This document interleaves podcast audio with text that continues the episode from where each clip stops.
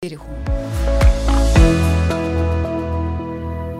Сайн байцгаана уу? Бизнес цэник вебинарыг угтан зохион байгуулдаг подкаст маань эхэлж байна.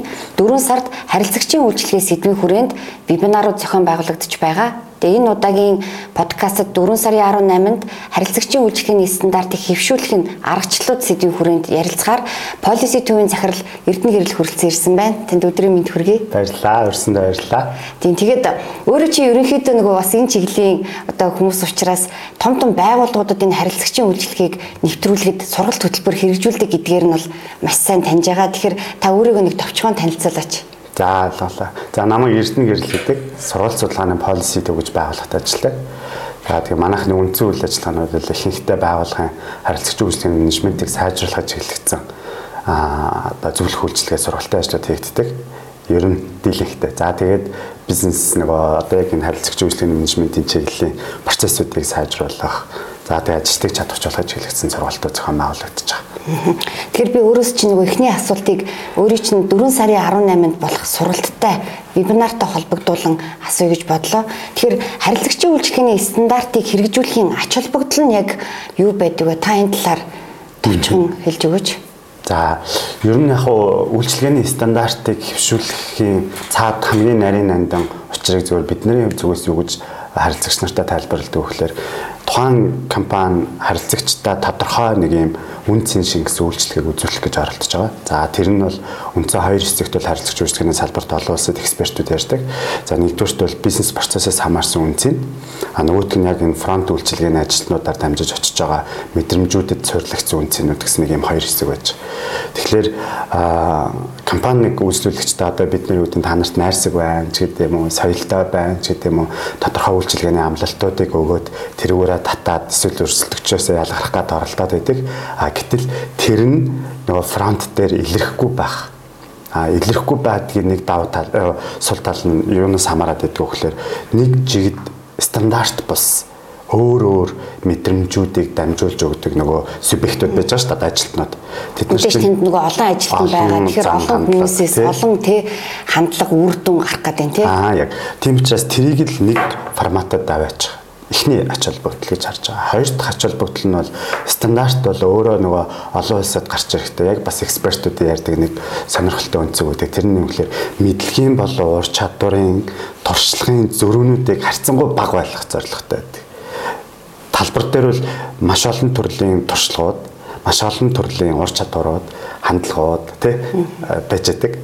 А тэгэхээр тэдгээрийг харьцангуй нэг төвшөнд аваачих харьцангуй яг нэг ижил байх боломж угаасаа байхгүй. Стандартчилж өгснөөрөө өөрөө тэд нар нэг жигд байх гэж оролдоход зориулагдсан юм ач холбогдолтой юм да. Тэгэхээр энэ өөрөө мэдээж түрүүн өөрөө дурдлаа шүү дээ тий хоёр чиглэлд компаниуд маань үйл ажиллагаа явуулж байна. Тэгэхээр амьдрал дээр бид ингээ харахад нөгөө ард ингээл маш их хүмүүс одоо шинэ бүтээгдэхүүн хөгжүүлээл тий тэрийг маш одоо боловсронгуй олгол ингээл арын албанд бол маш олон хүмүүс ажиллаад идэг. Гэтэл яг тэр ажиллаад байгаа яг тэр үр дүнд таны өөрийн чинь түрүүний хэлдгээр нөгөө фронт дээр байгаа бидний нөгөө хэрэглэгчтэй харилцаж байгаа тэр ажлын байран дээр ажиллаж байгаа хүмүүс мараа дамжиж гарах нь шүү дээ тий. Тэгэхээр энэ өөрөө маш ач холбогдолтой байх нь. Тэгэхээр одоо энэ ач холбогдлыг одоо бид нар ингээд ойлгонгуудаа стандартаа одоо яаж хэрхэн тодорхойлох вэ? Одоо эхний алхмуудыг та нэг тайлбарлаж өгөөч. За стандарт бол аюул ач холбогдолтой болчлоо тий. Тэгэхээр за бизнес эрхлэгчил саранд юу одоо стандартаа яаж тодорхойлох юм? Тодорхойлсныхаа дараа түрүүн та өөрөө дурдлаа. За аль болохоор хүмүүсийг яг нэг ижил төвшөнд авчрах гэдэг нь ихээр яг тэр ижил төвшөнд авчирж байгаа гэдгийг бас хэмжих хэрэгтэй болох бах тий. Тэгэхээр хэрхэн тодорхойлох вэ? Түүнийг хэрхэн хэмжих вэ? За нэгдүгüрт бол одоо яг ингээд вебинарыг сонсож байгаа подкастыг подкастыг сонсож байгаа хүмүүс нэг юм бодно. Стандарт яаж боловсруулах юм бэ? Тэр яаж тодорхойлогдох юм, тэн дотор байгаа шаардлагууд нь яаж хийгдэх юм тий. За ингийн тул зөвөр хоёр үндсэн юм байна гэж хардаг. Нэгдүгээрт бол бид нэр үйлчлүүлэгчд буюу тэр хэрэглэгчдийн хэрэгцээ шаардлага манай авах гэж байгаа үйлчилгээнээс манахаас үйлчлэг авахдаа ямар хэрэгцээ шаардлагуудыг манай үйлчлэгээтэй хамаатуулан тавьж өгнө гэдэг нэг үндсэг байж байгаа. А нөгөө талаас нь нөгөө процесс талаас бид нар үзүүлж байгаа тэр үйлчилгээнийхаа чанарыг алдагдуулахгүй тулд процессийнхоо одоо тэр алдаа мадгийг баг байлгах гэж чиглэгдсэн ийм хоёр одоо оролцогч талуудын хэрэгцээ шаардлагуудаар үндэслэж стандартууд боловсруулах ёстой. За энэ тодорхойлогдсон стандартууд мэдээж нөгөө смарт смарт гэдэг зарчмуудаа одоо баримтлах ёстой тий тодорхой байх ёстой. Аа тэгээд хүлээлт заах ёстой тий гэх мэт. Ер нь тодорхой байх гэдэг юм л тавьчихад их амар санагддаг надад. Хэмжигдэх хэмжигдэх гэдэг болохоор олон компаниудын олон туршлагатай олон чадвартай менежерүүд ялгаатай менежерүүд ажилтнуудаар яваад очихлоо тодорхой байх гэхэлэр нэг л тоол яриад зүтгээд идэг. Тэгээ ерөн зүгээр чинь хүндэлсэн гэдгийг жишээлбэл яаж хүмүүс хэрэглэгч чинь мэдрэх юм. А ажилтан тэрийгээ яаж мэдрүүлэх гэдэг юм чинь л хоёулаа тодорхой байг. За одоо жишээлбэл ингээд сайн байна аа одоо манай үйлчлэгээний байгууллага дээр байнгын гардаг нэг юм байгаа ингээд сайн байна аа ани ахтай одоо наатаха болмол гэж тэгжлээд. Гэтэ уул нь бол ани гэдэг үг нь өөрөө монгол хэлний тайлбар тал дээр өөрөөсөө ихчмэд насны эмэгтэй хүнийг авгаас дуудах хүндэтгэлийн нэршлиг аниа гинэгээ байждаг. Хүндэтгэл мөн үгүй л мөн. Гэхдээ энэ эзний үсэд байгаа хүндэтгэл, үйлчлүүлэгчийн үсэд байгаа хүндэтгэл хоёртой л зөрөө дахаар л энэ биш юм байна. Тэгээд чи ингээд хөндлөнгөөс наарсан ч одоо аниа гэдэг тахта яа ингээд идэг. Тэгэхээр энэ нэг юм үл ойлгогдох одоо зүн бэлгийн тулаанд орж байгаа мэт энэ байдлуудыг л жоохон тодорхой болгох гэх юм уу. Тэгэхээр нөгөө талдаа бас ингэж сонсохоор одоо ажилтан өрөө биш л фронтод ажилдаг ажилтан байлаа гэж бодоход би бас нөгөө ажил үүргээ хийхэд надад илүү ойлгомжтой. Тэ би илүү одоо нэг яаж одоо чи гоё мэдлэгээд байдаг. Гэтэ яг яаж мэдлэгийг хэлээд өгөхгүй болохоор би ингээд өөрөө бас гайхсан байдалд орчин тэ. Тэгэхээр энэ өөрөө нөгөө удирдлагын зүгээс үсээд байгаа тэр зүйлийг одоо ажилтнаар дамжуулж гарахад магадгүй ажилтан удирдлагын хоорондох компани хоорондох бас ойлголтын зүрэг бас давхар арилгаад өгөх юм байна. Тийм, арилгахаас гадна аа фронтод ажиллаж байгаа ажилтнуудын ажлаа гүйцэтгэх үеийн сэтгэл ханамжид хүртэл нөлөөлдөг. Яагаад гэвэл ер нь ихэнхдээ нөгөө фронт дээр супервайзер байт юм уу? Одоо яг шууд удирдлагууд ихэнхдээ яг ийм жижиг сажиг ойлголтын зөрүүтэй зүйлстэй маш их засвар оруулж засаж хийлж зөвлөж За одоо менежментийнхаа хэллээр бол нөгөөдлөхөөр бол одоо хүмүүжүүлэх маягтай ингээд яваад тахлаар сүүлийн үеийн жишээлбэл зэт үеийн залуучууд бол энэнийг үглэлт хэмээн хүлээж аваад ингээд шилжиж хөдөлгөөнд хүртэл асар их нөлөө үзүүлдэг ажил юм байна. Тэр ингээл байнга ингээл хиллэл тавтаад байхгүй тэр стандарт нь өөр айгу тодорхой. Товч ингээд байж хахад бол аль альтай илүү хялбар байх нэ. Тий. Дараагийн зөндөө олон төвөгчлүүдээс сэргийлнэ гэх юм да. Ааха. Тэгэхээр түрүү өөрөө дурдлаа стандарт нь өөрөө байгууллагын дотоод үйл ажиллагаанд тохирсон нэг стандарт байх нь за илүү гадагшаага нөгөө хэрэглэгчийн өөрийнх нь хүсээд байгаад тохируулсан хэлбэрээр стандартаа тодорхойлох нь ярьлаа шүү дээ тий.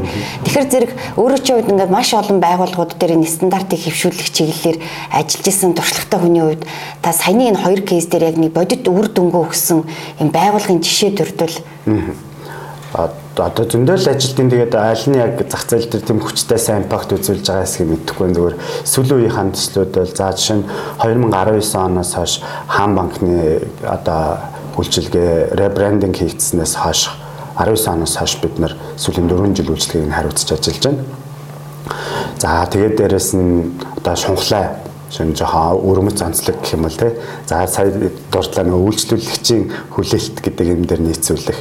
За тухайн үйлчлүүлэгч одоо үйлчилгээг хөдөлтөж авч байгаа үйлчлүүлэгчийн тэр майндад илүү тохируулсан байдлаар гингүүт шин шунхлагийнхан маань одоо аян замдаа сая явж ирсэн шунхлаа тавтаа морил гэж. Тэгснэ аян замдаа сая аваарай энэ төр гэж. Тэгээ энэ яагаад ингэж хэлүүлдэг болгоцсон гэхэлэр жишээлбэл тээврийн хэрэгслийг жолоодж байгаа хүмүүс одоо монголчуудын сэтгэлгээнд тэр дундаа өрөөж өгтөж өрөөж үддэг энэ нь билээд зүгээр бусдаасаа ялгарах нэг өрөм занслогтой байх хэрэгтэй гэдэг. Тэгээд сайн байна уу баярлалаа баяртай гэж ч болохгүй нь шүү дээ тий. Одоо үүдийн Петровис тавтаа морил бүгдээрээ л хилээд байна. Тэгэхээр захаа шунхлаа тавтаа морил гэж хэлүүлэх ямар хэрэгцээ байгаа юм. Тэгээ энэ нөгөө үйлчилгээний стандартууд өөрсдөө тэр харилцагчийн үйлчилгээ, үйлчилгээний маркетинг нэг хувилбар болох хэрэгтэй Өөрөлдвөл ялгарлын нэг хэлбэр болох хэвээр. Тэгэхээр зүгээр нэг хүн томоотой байх гад эсвэл хүмүүжлэлтэй хүн бий болох гад ингээд стандарт бий болгоод хүн заваагаад байгаа хэрэг биш буцаад бизнесийн олон стратегиудыг дэмжиж чиглэгдсэн байх хэвээр.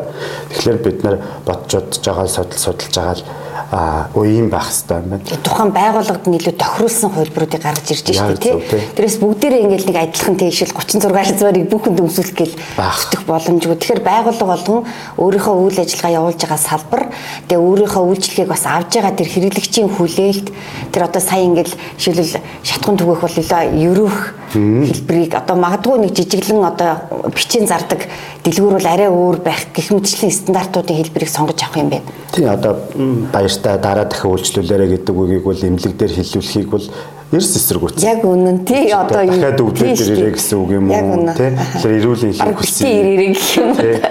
Бид нар чинь нэг тийм механикл хэлбэрээр нөгөө үйлчлүүлэгчдийн үйлчлүүлж байгаа хүмүүсүүдийн тэр сэтгэл зүй өрмөц байдал майдал тэр юмнуудыг анзаардаг.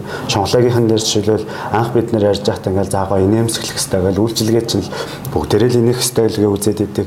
Тэгээ яг үйлчлүүлэгчдээс нь судалгаа авдагдсан чинь 3 хүрэхгүй хувь нь инээвэл зүгээр дээ гэж аахгүй. Тэгэхээр чинь нэг ач холбогдолтой биш тий. Value үүсэхгүй байгаа зүйлийг ажилтнаа хий гэж шахаж шаардаад ах нь ач холбогдол багтай шаардлага болж хувираад тэгэхээр энэ бол байхгүй юм байна. Эсвэргээрээ бүр өөр төрлийн шаардлагууд үүсэж ачааллын цагуудад бол хурдтай үйлчлэгийг авах, яг бензин авах гээд очисон чинь орлого авч яах гээд өгөхгүй байх ч гэдэг юм уу тийм. шал өөр агуулгууд гарч ирнэ гэсэн үг. Тэгэхээр ер нь бол нөгөө стандартаа тодорхойлохдоо бас нөгөө талдаа хэрэглэгчийнхаа тэр нөгөө хүсэж байгаа зүйлийг мэдчихэд тэгээд тодорхойлох юм бол бас илүү оновчтой төрөний өөрөө чи ярьдгаар нөгөө үйлчлэгээний маркетинг гээд илүү нөгөө брэндээ бас илүү гоё сурчлаад явах бас боломжийг стандарттай болснороос авч болох юм байна гэж ойлголоо. Тэгэхээр та нэг одоо нэг дотоод үйл ажиллагаагаа яг стандартжуулаад нэг хэмжиж байгаа тий тэр нь үр дүн гаргаж байгаа. Магадгүй үр дүн нь илүү бүтээмж ч юм уу эсвэл нөгөө талдаа зардал бууруулсан тийм жишээ дурдвал жижиг компаниуд байна. Аа яг энэ нөгөө нэг бүтээмжийг сайжруулах, чанарыг сайжруулахтай холбоотой ойлголтууд дээр манай сайн кейсүүд бол жижиг компаниуд байж байгаа. За тэр бүтээмж тал дээр бол бид нэр үйлчилгээний процесс талаас нь процессын гологдол, процессын гол гарц талаас илүү хараад өөрөөр хэлбэл нэг удаагийн ажлыг нэг удаагийн оролдлогоор гүйцэтгэх боломжтой ажлыг нөгөө тухайн процесс нь стандартгүйгээсээ болоод ахин хийгдэх, ахин хийгдэхин цаатал дээр дахиад нөгөө хүн цагийн зардалчуд юм те эсвэл параметралын зардлууд бий болох те. Иймэрхүү төрлийн юмнууд дээр ер нь нэлээ одоо үр дүнгийн гаргаж ажиллаж байна да а том комплекс асуудлууд дээр л хэмжигд аягүй төвхтэй байдаг. Энэ сайжирж байна, энэ гоё болж байна, энэ өөр болж байна гэдэг ч юм уу тий.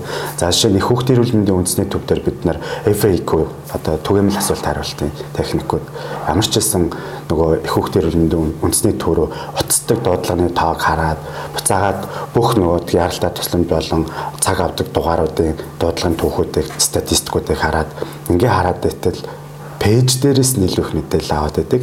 Гэхдээ пэйж дээр байгаа мэдээллүүд маань манай хэрдэм шинжилгээний хурал хийлээ, эсвэл тэм хийлээ гэдэг. Гэтэл яг үйлчлүүлэгчдэр одоо түгээмэл асуулт хариултаа шууд асуултаа шууд асуугаад тэрэнд нь хариулагдах боломжтой тэр одоо платформ байгаад байдаг. Тэгээ энэ дээр нь стандартчлал жишээлбэл тодорхой процесс дээр нь өөрчлөлтүүд оруулаад тэгээ FAQ гэдэг бид нар баг 70 гаруй төрлийн асуулт гаргаж ирээ. Тэрэнд нь хариултуудыг нь бий болгоод поструудыг явуулаад. Тэгээ миний анзаарч яснаар жишээлх юм бол маш энгийн гарсан юм. Шэрийн тоон хүртэл нэмэгдчихдэг. Тэдний дээр одоо орж исэн постуудын шэр буцаагаад тэр асуулт хариулттай постуудын шэр хоёрын тоог харахад энэ нь эрэлт байгааг энэ бусдтай хуваалцах сонирхол байгааг харуулж байна л гэсэн. Хүнд тэр нь хэрэгцээтэй байх. Хэрэгцээтэй байх. Олон хэрэгтэй байгаад тийм тий. А тэгээ хүмүүс ч бас нэг юм хуваалцах айгүй сонирхолтой шүү дээ хүн цаана байглаасаа би нэг айгүй гоё мичээл өөртөө ерөөсө хадгалаад тахгүй тэрийгэ бусдаа хуваалцсан. А нөгөө талдаа хуваалцсан гэснээс нөгөө талдаа бас хэрэглэгчийн үжигний стандартууд дээр нөгөө хэрэглэгчийн гомдолтой ажиллах стандартууд нэлээд орж ирдэг. Тэгээд нөгөө гомдоод байгаа хүн чинь сүрэг энерги маш олон хүнд хуваалцдаг тийм. Тэгэхээр та одоо ингээд хэрэглэгчийн гомдолтой ажиллаж байгаа энэ компаниуд дээр стандартаа яг яаж одоо тий тодорхойлол зүгээр гэдгийг дээр нь хідэн төрлийн стандарт жишээл байж болох вэ? Бид бол ихэнхдээ дандаа фронт үйлчилгээний одоо service delivery гэж ярьж байгаа тийм яг нүүр тулсан үйлчилгээний үеийн стандартуудаар төвлөрч ажилладаг. За энэ үед бол одоо жишээлбэл үүдээ үйлчлэгээний хавцад хамгийн түгээмэл гарч ирж байгаа гомдлууд тухайн гомдлуудын үед харилцах харилцааны техникүүдийг жишээлбэл боловсруулж гарын авлага байдлаар ч юм уу заавар хэлбэрээр явуулах. За жишээлбэл үүдээ үйлчлүүлэгчдийн төлөвийг үндсэндээ нэг хэцүү харилцаатай үйлчлүүлэгчдийн төлөвийг 13 орчим төрөлд хуваацсан байна уурсан, гомцсон, бухимдсан, тулган шаарддаг, наймаалцдаг гэх мэт ингээд тэр уурлах бухимд хоёрыг хүртэл тус тустай сэтгэл зүйн хоёр өөр төлөв. Жишээлх юм бол одоо үедээ дүүч ууралцсан маань очиод дараадаг гэдэг эхнэр чинь бухимдсан маань очиод тайвшруулдаг. Тэгэхээр энэ хоёр одоо сэтгэл зүйн төлөвтэй хүнтэй харилцах хоёр өөр харилцааны техник байгаа байхгүй. Тэгэхээр за тэгвэл бухимдсантай нь бол ийм төрлийн техниктэй А уралсантай нь бол ийм төрлийн техниктэй, наймаалцдагтай нь бол ийм төрлийн техниктэй гэдэг ч юм уу. За стандартын шаардлага зарим өрмөц зүгээр энэ тэнд байдаггүй шаардлагуудаас хэлэхэд жишээлбэл бид нэр үйлчлүүлэгчийн хэрэгцээ буюу тэр тухайн гомдлыг мухралтал хонглын гэрэл одоо унтартал тэрийг хандл хийх шаардлагыг оруулж ирж байгаа. Одоо фронт дээр ингээ ажилладаг хүмүүсүүдийн нэг түгээмэл манай монголчууд ярьдаг. Ажилтнаас болохгүй гэдгийг сонсчоод энэ бол журмын бас, энэ бол дурмын бас, энэ таны хүсэлтийг би биелүүлэх боломжгүй байна гэдгийг фронтын ажилтнаас сонсчоод тэрийг нөө даргаад бод.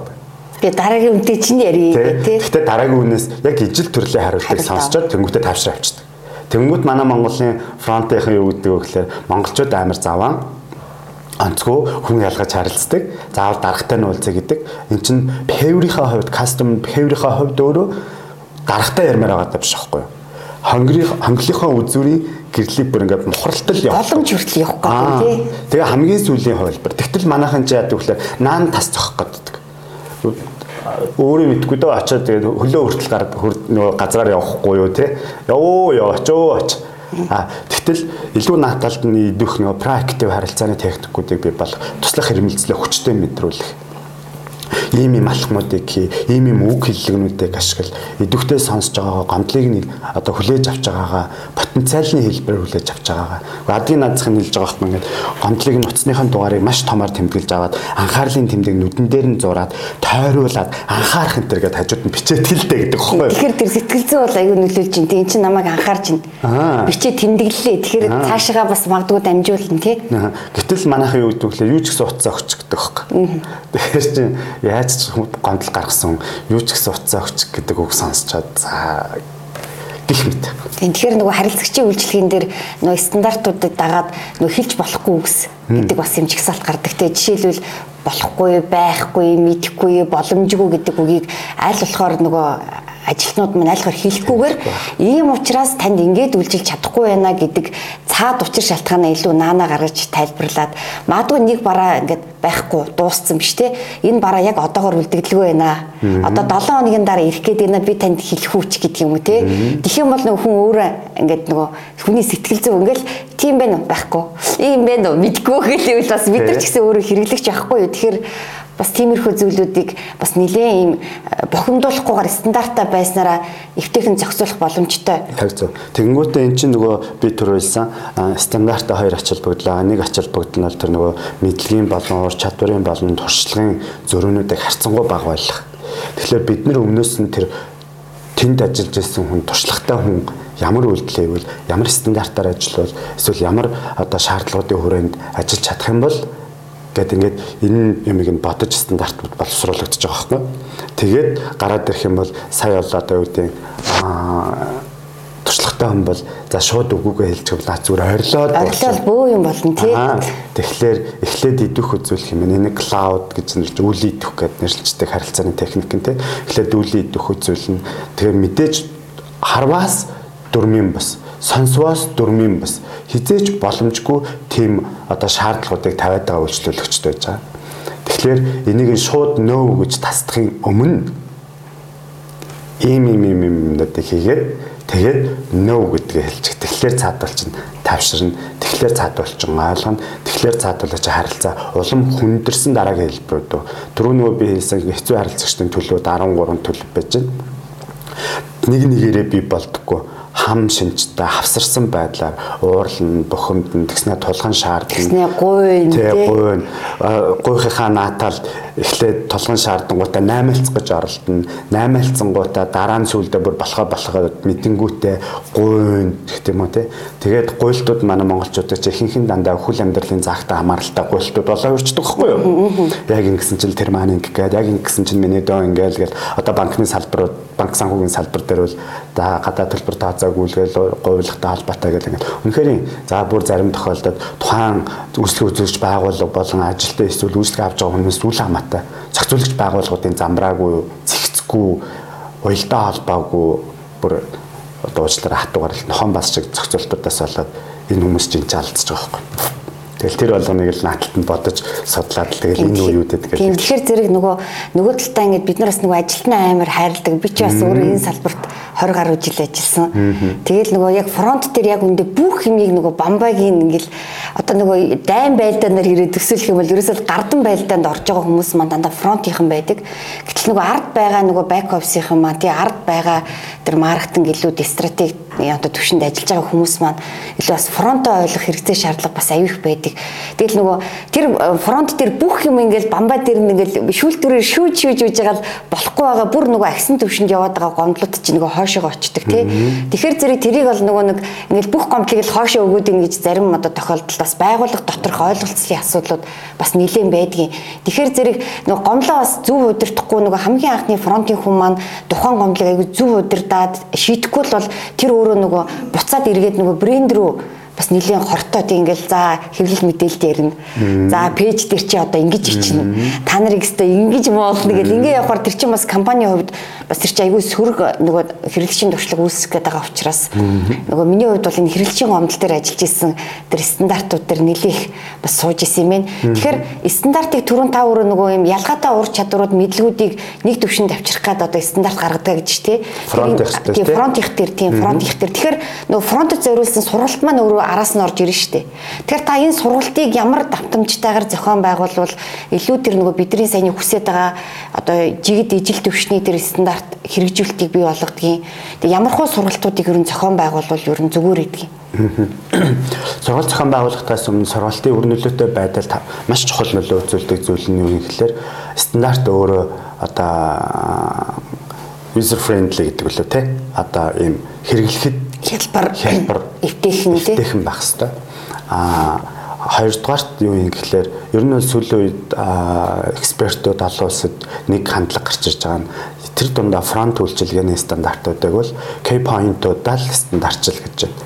А хуучаа одоо waterfall гэж ярьдаг тэр уламжлалт хэлбэрийн стандартууд бол хүн томоотой байх гэж эхлэгдсэн юм шиг хүмүүжлэлтэй хүн болох гэдэг аач юм шиг тийм ингээд бүгдээрингийн их хайрцгалсан ийм болох. За одоо жишээлбэл юу гэдэг яг үнэндээ надад ямар уруулын бодогтой эмхтэй үйлчилж байгаа дүнтэй хамаагүй болчихж байгаа гин дээр үд чинь бүр ингээд нүүр бодолтын сургалт авдаг гэсэн шүү дээ. Тэгэл хүмсгийн нэр дагаад чи ингээд нүүрээ бод үсээ боо гэл тий. Бүснэ гэл бүгдээрээ нэг юм бүстэй ингээл тэр нь улаан байна уу ягаан ногоон байна уу? Эсвэл үүдгээ тэр одоо өдгнөөс доошогоо хоёр хороо унжсан юбктэй надад үйлчилж байна уу? Готлынх нь өсгөө 2.5 см-тэй байна уу? Эсвэл надад үндэ хамаагүй уламжлалт хэлбэрүүд Одоо бол надад миний асуудлыг шийдэж өгч ивэл тэг түргэн шуурхаад байвал гэдэг тий тэр үсээ самсан байна уу яасан бэ яг үнэндээ нэг чухал шүү дээ. Тэгэхээр энэ нь буцаагаад нөгөө сургалтын өрнөлөөтэй байдал сургалтын өрнөлөө чи юугаар хэрэгж харагдах гэдэг юм гэхэлэр хоёр гурван байгаа л да нэгдүгürt тухайн стандартыг хэрэглэх чадвар байна уу гэдэг асуулт мэдж гэнэ үү гэдэг асуулт. Тэгээд тэр нь хөвшсөн үү гэдэг асуулт. Тэр нь хэрэглэгдэж гэнэ үү буюу да хөвшсөн үү гэдэг. Тэгэхээр сургалтын шууд дараа бол хоёр одоо юу нь бол импакт нь бол би болчих болно. Хэрэглэх хэвдүүтэй болсон байна уу? Тэрийг мэдж гэнэ гэдэг асуулт. А гурав дахь юм чинь бол тэр нөө илүү user friendly байгаад яг фронт дээр ашиглахад хэлбэрхэн байгаад эвтэйхэн байгаад эсвэл тэрийг ашигласан чинь фронт ажилтнанд каф байна уу гэдэг асуулт кастомер тэр нь мэдрэгдэж гэнэ үү гэдэг асуулт. Бид нэр зүгээр л мэдлүүлэх гэдэг эцсийн бүлэгтээ яах гэдэг. Ач холбогдол нь юу юм? А тэрнийхээ цаад ач холбогдлыг олчих юм бол мэдлэлтийн тэр тавтамж эсвэл одоо өнгө тоон эсвэл одоо тэр дэлгүүр текстүүд, мекстүүд нь хүртэл тодорхой болоод бүгд илэрхий гараад бидний ч нөгөө зорилго нь тодорхойгүй стандартууд айгүй хийгээл таалагдахгүй маа л гаргаж ирээд л стандарт руу стандарт ч гэсэн гал тий. Тэгээд шалгадган ч мэддэггүй, шалгуулдган ч мэддэггүй. Тэгээд манай монголчуудын энэ мониторинг хийдэг байдал чинь нэг юм орон гарan штэ ойр тарж үзээдсэн чи давраад байна та нар маань гээл гинт шалгаж малгаад тэгснээр гинт талга болоо. Тэгээ нөгөө нэг дээр үе нөгөө Монгол кинон дээр ч ховор хүмбэл үе үлээ ховор өмсчлөө. Шинэ халаадаа өмсөөрөө ширээний бүтээлгээд ивсээр. Цагаан халаадаа өмсөө тий. Эргэтэн л байж ах хэвээр стилтэй. Тэгэхээр ингээд сүулдэ фронтын хүмүүсүүд чинь эцэн бүлэгтээ юунд зориулж хийж байгаа нөхлөөр мистери шопруудад зориулж эсвэл татаад хяналтынхантай зориулж стандартыг хийдэг үлддэг ийм хэлбэр рүү шилжээд энэ нь ингээд явах тусмаа л муу. А гэтэл одоо стил хэдүүлээ ингээд харахад convenience store-уудыг харъя.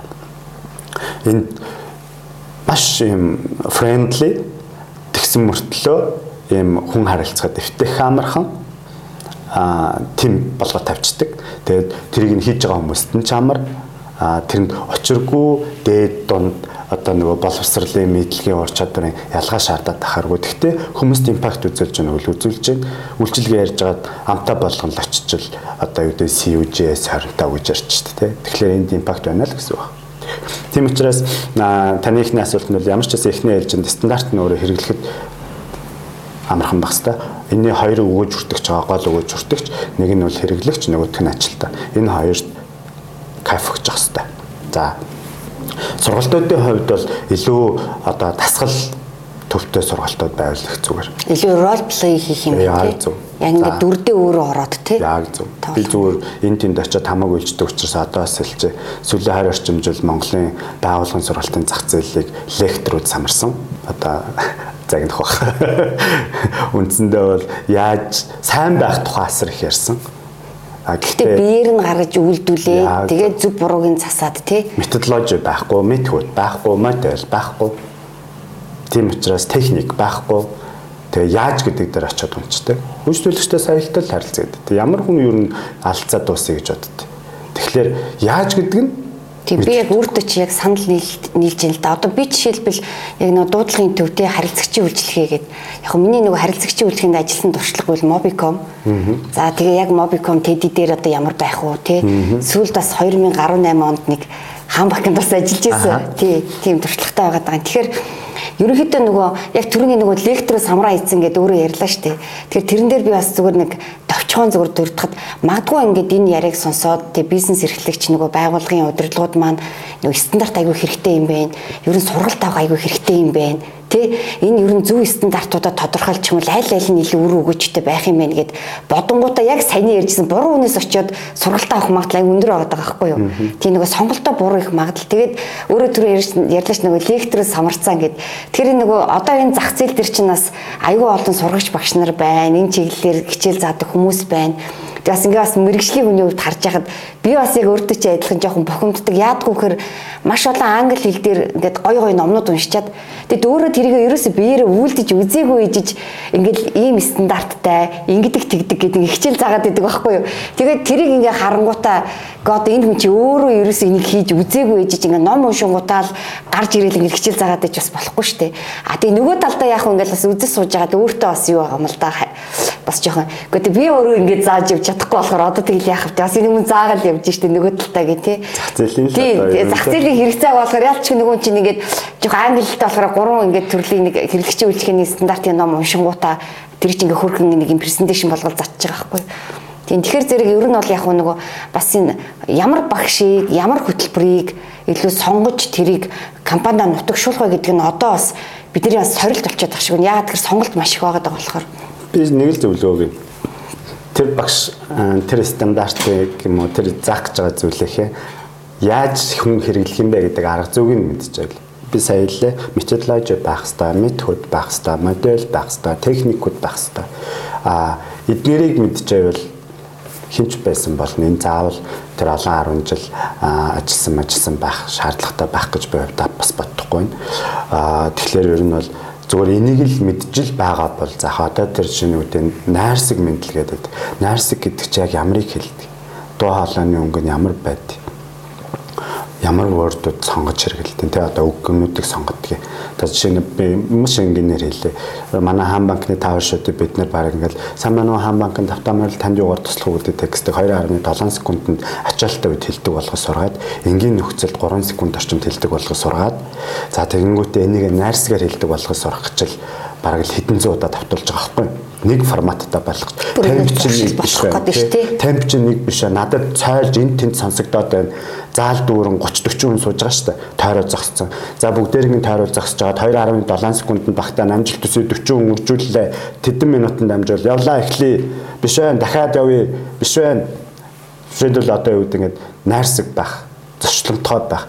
Цагаан сараар орж ирж байгаа хүнийг ингээд за сайхан шинжилж гэнэ үү? Өргөлттэй үл мэдэг төгсгөлийг уртаа сайн байна уу хаан банкын тавтаа морил танд югаар туслах уу өргөл мэддэг өргөлттэй уртаар энэ зүгээр л хэрүүл айлан байж болохгүй байхгүй юу нарсэг бай гэдэг. Зарим ингээд үйлчилгээний байгууллага дээр ингэдэж штэ. Фронт ажилтнуудыг хэрэглэх очоод гомдол гаргаад ховлохдоо та нар намайг доромжлно гэж байхгүй шүү. Намайг дээрлэж гэнэ үү?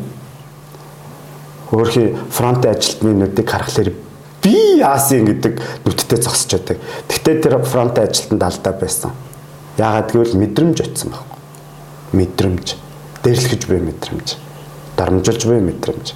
Яг л ингээд намайг хүмүүс манай найзууд карманы болгоочиг царайтай гэдэг тий. Бас хүмүүс намайг юм хөдөлж авч чадахгүй хэмжээний хүн гэж боддог, харагддаг юм шиг Шангрилагийн зарим дэлгүүрүүд дээр ингээд юмнуудаар ихнэрээ дагаа явж байгаа. Манай үнтэй яриа юу тий.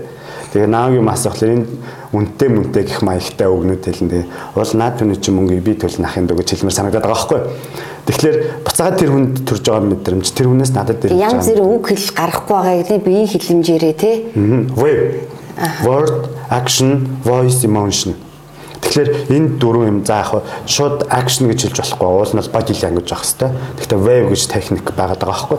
Тэнгүүтээ энэ дөрвөөр хоёроор нь сонсож, хоёроор нь харж мэдрэмж авнаа. Тэгэхээр энэ дөрвийг зөв удирдах тухай яригдаж эхэлж байна гэсэн санаа. Ер нь бол одоо шинэ фронт үйлчилгээнд дээр харилцааны стандартууд нь. А тэнд service процесстэй холбоотой стандартууд тусдаа яригдаж байгаа шүү дээ. Тэгэхээр таны ихний асуултанд бол хариулахдаа би юу гэж хариулах гэж байна вэ гэхээр трийг заах техникийг мэдж гэнэ үү? Модельтэй байна уу? Тэрийг туршиж үзсэн нэг тодорхой хэмжээний туршлага муршлага юм хүн байна уу байхгүй нь за тэрийг нь харах хэрэгтэй байна. Таасаа Mobicom гэж байна. Би яг энэ салбарт 16 жил ажиллаж байна. 16 жил ажиллахдаа миний хамгийн анхны төсөл Mobicom тухайн үед болор захирал а болор захирал цаашаа группийн ангууд дараа нь даваад захирал дөнгөж орж ирж хахад миний анхны одоо гараа яг энэ харилцагч үйлчлэгээний салбарынхны юм эхэлжсэн. Тэгэл бид чинь мөн л яг тэр үед чинь нөгөө TED 1 2 3-ууд тэгээ би центр дөнгөж нэгтцэн ингээл тэгээ явж байсан тэр үеийн стандартын хандлага хэм маягууд одоогийнх энэ төр бол ингээд хэрэглэгчийн хүсэл хэрэгцээ шаардлагууд өөрчлөгдөөл хувьсан өөрчлөлтөө өөрчлөгдөөл яваад байгаа. Тэгэхээр ер нь заадаг хүмүүс нь бол яг гоё байх тухай заах гэхээсээ л үгээр яаж гоё болох уу гэдгийг нь зааж өгч чадах тийм арга зүйтэй хүмүүсийг сонгоход болж байгаа. Тэгэхээр одоо нөгөө 4 сарын 18-нд та энэ хөвшүүлэх аргууд гэд саний ярьж байгаа энэ стандартуудыг хөвшүүлэх аргуудын талаар ярихаар байгаа шүү дээ. Тэгэхээр энэ аргууд дээр саний яриад байгаа юмудаа нэлийн дэлгэрэнгүй орж та тайлбарлана. Тэг би бол сая detail юм ярьчлаа. Аа ер нь бол яг хуу би энэ бас нэг бэлдээд ирсэн хүмүүсийн тархитлагыг эргүүлэхгүй тулд гэж жоохон зэгцтэй байх гээд ер нь бол практикаас харахад нэг 4 5 юм байгаа. Миний туршлагаараа л. За эхлээд стандарт төгсөлгүй байх хэрэгтэй хэрэгжүүлж одоо хөвшүүлж авч явахад хоёрдугаар болохоор стандарт нь фронт ажилтны сэтэлжилт болон хэрэглэгчийн сэтгэл ханамж хоёрт хоёуланд нөлөө үзүүлэх үзэх хэвээр. За гуравт нь болохоор тэр фронт ажилтны одоо зан төлөв болон дадалд нөлөөлөх хэмжээний арга хэрэгслүүдийг ашиглах хэрэгтэй. За дөрөвт нь болохоор макро менежерүүд буюу одоо супервайзер ахлах төвчний ажилтнууд өөрөө харилцаа маш өндөр. Тэдний манлайлах ур чадвар маш өндөр. Манлайлах гэдгийн цааталт хэдүүлээ олон улсад бол хэд хэдэн функц зарагдж байгаа шүү дээ. Нөлөөлөх, өөрчлөх, сэтэлжүүлэх, нэгтгэх, чиглүүлэх гэх мэт те нэг 4 5 төрлийн функц авч байгаа. Энэ функцүүдийг их сайн хийж чаддаг одоо шууд удирдлага буюу фронти одоо ахлах ажилтнууд. За дээрэс нь тэр энэ харилцагч үйлчилгээнийхээ менежментийн тэр үр нөлөөттэй тогтолцоогоо сайн болгож чадсан байх юм бол гэдэг нэг ийм таван юм байна. Менежментийн тогтолцоо нь өөрөө үр нөлөөтэй биш байх юм бол бас хэрэгжихгүй байна. Энэ үйлчилгээгч үеийн үедэл чухал гэж ярьдаг мөртлөө яг менежментийн тогтолцоон дээр нэг панча хэлбэрээр ач холбогдолгүй ажлын гүйцэтгэлд нь хамааруулдаггүй. Тэгтээ хэрүүлийн айлан болгож загнах болохоор тэрийг нь авч үлгэж хэрэлдэг. Аа энэ тэнд нэг нэгэндээ ярихлаарэ үйлчилгээ бол одоо бидний бизнесийн хамгийн чухал ялгарл малгарл гэж ярьдаг. Яг ясам дээр Монгол компаниудаар давхад орохоор нөгөө л орлогын модель та нөгөө л тэрэн дээрээ төвлөрсөн санхүү суурьтай нөгөө л татвар нэгтлэн бодох бүртгэлийнхаа нөгөө л орлогынхаа урсгалын тэрэндээ төвлөрсөн менежменттэй яваад байдаг. Тэрнийхээ ямиг маш их хүчтэй суулгаад байдаг. Энд нь зүгээр нэг хідүүн томоотой байх гэж загнуулах сэтэл болж авах гэж буй мэд хэлбэрээр нэг юм бөөрөнд нь алдсан юу гэдэг хэлээд тэ цээжинд алдсан өчлөө. Нэг тиймэрхүү хэлбэрээр ингэж хүлээж аваад байгаа байдал нь өөрөө энэ үйлчилгээг ач холбогдолтой байхад одоо сайн хөвшиж нь одоо нэвтрэхэд сөргөөр нөлөөлж байна гэх юм да. Тэгээ ер нь бол яг энэ нэг бас удирдлагуудын хандлага штэ таныг сайн ингээ ярьсан чинь ер нь бас ингээд надад хандж исэн одоо удирдлагуудыг ингээд бодоод үзэхэд ингээл манай энэ одоо тий үйлчлэгээний энэ худалдааны зөвлөх охиныг инээлгээд өгөөч. Одоо ингээд яг надад хандчаа та нэг юм сургалт хийж өгч чадах уу? Манай нөхдүүдийг инээлгээд өгөөч чинь уцаа ингээд фэйсбુક руу ороод ингээд уцаа ухаадах юм. Энийг ингээд болиулаад өгч болох уу? За энэ манай хүмүүс ингээд ороод ирэнгүүт нь лугтаал энийг ингэдэг болгоод өгөөч гэл аюу тийм нэг сургалтын хэрэг хүсэлтүүд ирдэг байсан байхгүй юу. Тэгээ би болохоор ерөнхийдөө юу гэж хэлдэг байсан бэхээр энэ таны өөрийн чинь энэ компани удирдах байгаа толноо. Энэ ажилтны тэр уцаа тийм ингээ оролдоод хүн ороод ирэхээр мэдлэхгүй байгаа байгаа. Яг энэ ажилтны яг 100% бол буруу биш. Энэ таны өнөөдрийн хэрэгжүүлж байгаа тэр процесс тэрийгээ те хэмжиж байгаа эргээд ажлынх нь гүйцэтгэлээ нь уйж байгаа, урамшуулж байгаа, хариуцлага тооцож байгаа. Энэ танай компанид хэрэгжиж байгаа энэ бодлого стандарт энэ процессын удирдлагатай чинь холбоотой байна. Тэгэхээр та өөрөө сургалтандаа ихтэй сууж байгаа. Би харин өөрт чинь бол сургалт бол зааж өгч чадна. А энэ одоо тий ажилтнууд бол би арай чадахгүй. Ягаад тэгэхээр бид нар байшингаар суур фундаментаа хийгээгүй бол мянга энэ хүмүүсээс тийм хүсээд угаасаа гарахгүй байхгүй юу тий гарахгүй эргээд баг нөгөө ажлаас гарах хувьчин өндөрсөд явчих штэ нөгөө ингээл нэг юм боломжгүй юм шахаал яг яах байгааг нь мэддэхгүй шахаал тэгэл нөгөө яг ажлаа яг яаж хийвэл би аюул сайн гэж үнэлэгдэх гээд байгаа нэг ойлгомжгүй болоод эхлэхээр энэ нөгөө ажлын байрны нөгөө ажилтны сэтгэл хамж гэдэг асуудал руу нэлээд нөлөөдлөд явцдаг. За тэгээ хоёулагийн подкастын хугацаа маань нэлийн дуусгах төгчөн. Тэгэхээр миний таны асуу танаас би одоо асууж амжаагүй юм асуулт ивэл танд ингэ сүүлийн асуултыг үлдээж байна. За ер нь ярих гэж бодож байсан юм да ярьчлаа дөө. Тэгээ ер нь яг яг энэ харилцагчийн үйлчилгээ төр дундаа үйлчилгээний энэ процессуудын талаарх ойлголтуудаа бид нэг талдаа гаргаад нэг хэл усаар ярьж мардаг болохгүй л ойлголцдог болохгүй л энэ нэг үйлчилгээний ажилтаа хүүхдүүдийг хүмүүжүүлэх гэж байгаа юм шиг нэг тийм захиалгууд ирдэг. 2 цагийн дотор л эерэг хандлагатай болгож малгадаг захиалгаас бол цутаад штэ. За тийм байхгүй онгороо за 20 жил 30 жил амьдрал чадаагүй аав ээж нь чадаагүй авгаа хүүхэд нь чадаагүй 10 жил дунд сургууль 4 жил дээд сургууль чадаагүй та дахиад хэдэн жил чадаагүй би 2 жил чадахгүй. Тэгэхээр хоёлаа хайлалныгаа хуураад нэг нь ярьсан болж мөнгө авч нөгөөх нь яриулсан болж мөнгө өрөх шаардлага байхгүй. Тийм чи нэг удаагийн сургалтаар одоо бий болгочдөг зүйл ерөөсөө биш.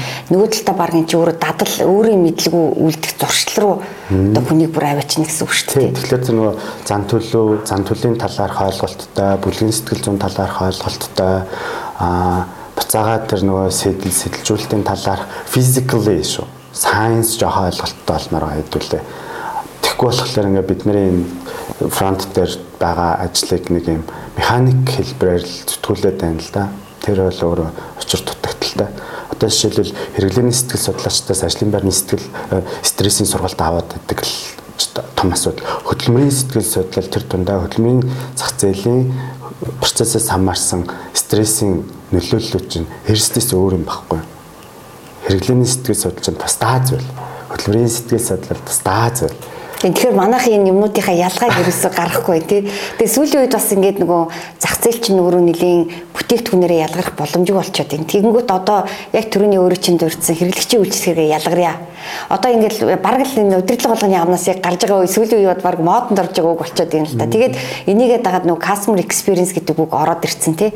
Тэгэл ингээд нөгөө хэрэглэгчийн үйлчлэгээр бид нар ялгарна гэсэн хэрнээ яг үнэхээр ялгаруулахад яг юу хийгээд байна гэхээр мэдээж тэнд цаг хугацаагаа төлөвлөх хэрэгтэй харагдаж байна. Нөгөө талдаа миний зүгээр ажиглаж байгаагаар илүү зардал төлөвлөлт илүү тэнд бас байх хэрэгтэй юм шиг надад санагддаг байхгүй юу. Илүү нөгөө компани өөрийнхөө тодорхой зардлыг тодорхой цаг хугацаатайгаа хамт яг тэр фронт дээрээ зарцуулж ийж энэ өөрөө нэлээх цаг хугацаа авч ийж одоо бидний хүсэж байгаа тэр байгууллагын нөгөө нүүр царай нь болох гэдэг шүү дээ. Тэг хамгийн ихний нүүр царай. Тэгээд тэр нүүр царайгаас дараагийн нөгөө брендинг туршлага мөрчлөн давхар ингээд яваад орохоор одоо уул нь ингээд хэрэглэгчийн үйлчлэгийг илүү олоод харсан байгууллагууд таны саяны ярддаг стандартаа ингээд зөв оновчтой тодорхойлоод хэрэгжүүлээд тэрийг ингээд байгууллагада бүр нутагшуулчих юм бол яг нөгөө өрсөлдөх чадвар нь яг боддоор илүү гарч ирэх. Тий.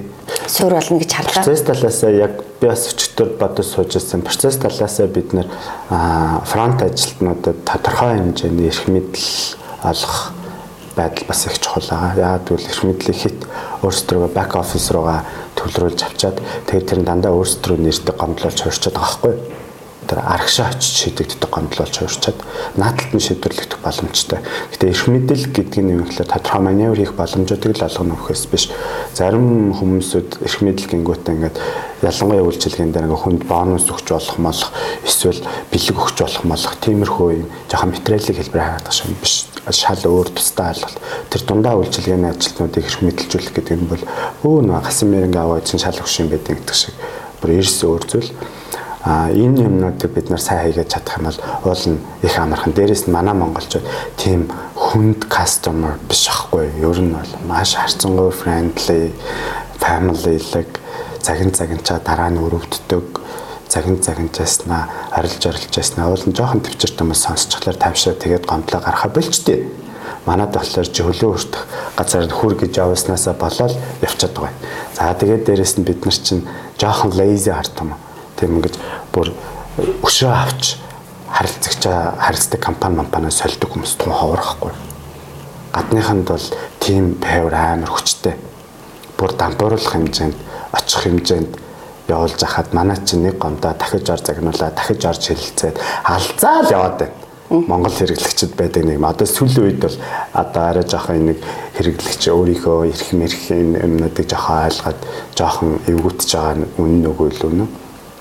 Тэр уул нь бол их хайтахан амархан тийм зах зээлээ л гэж боддог шүү дээ.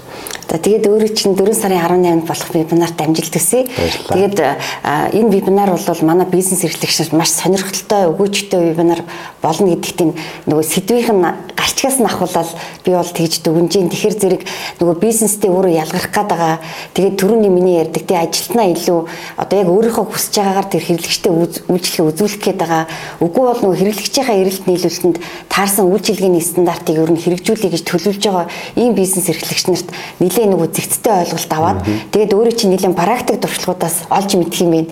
Них онл ярихаас илүү өөрөө илүү нарийн өөрийнхөө нөгөө олж мэдсэн туршлагуудыг нэлээ хуваалцах юм байна гэж одоо ойлгож авлаа. Тэгээд өнөөдрийн подкаст хүрэлцэн ирсэнд баярлалаа. Баярлалаа. Урьсанд баярлалаа. За тэгээд 4 сарын 18-нд бол харилцагчийн үйлчлэгийн стандартыг хэвшүүлэх нь вебинарт та хэрвээ бүртгүүлэхийг хүсвэл энэ доорх линкүүдээр дэлгэрэнгүй мэдээлэл авах боломжтой. За тэгээд дараагийн дугаараар иргэн уулзцгаая.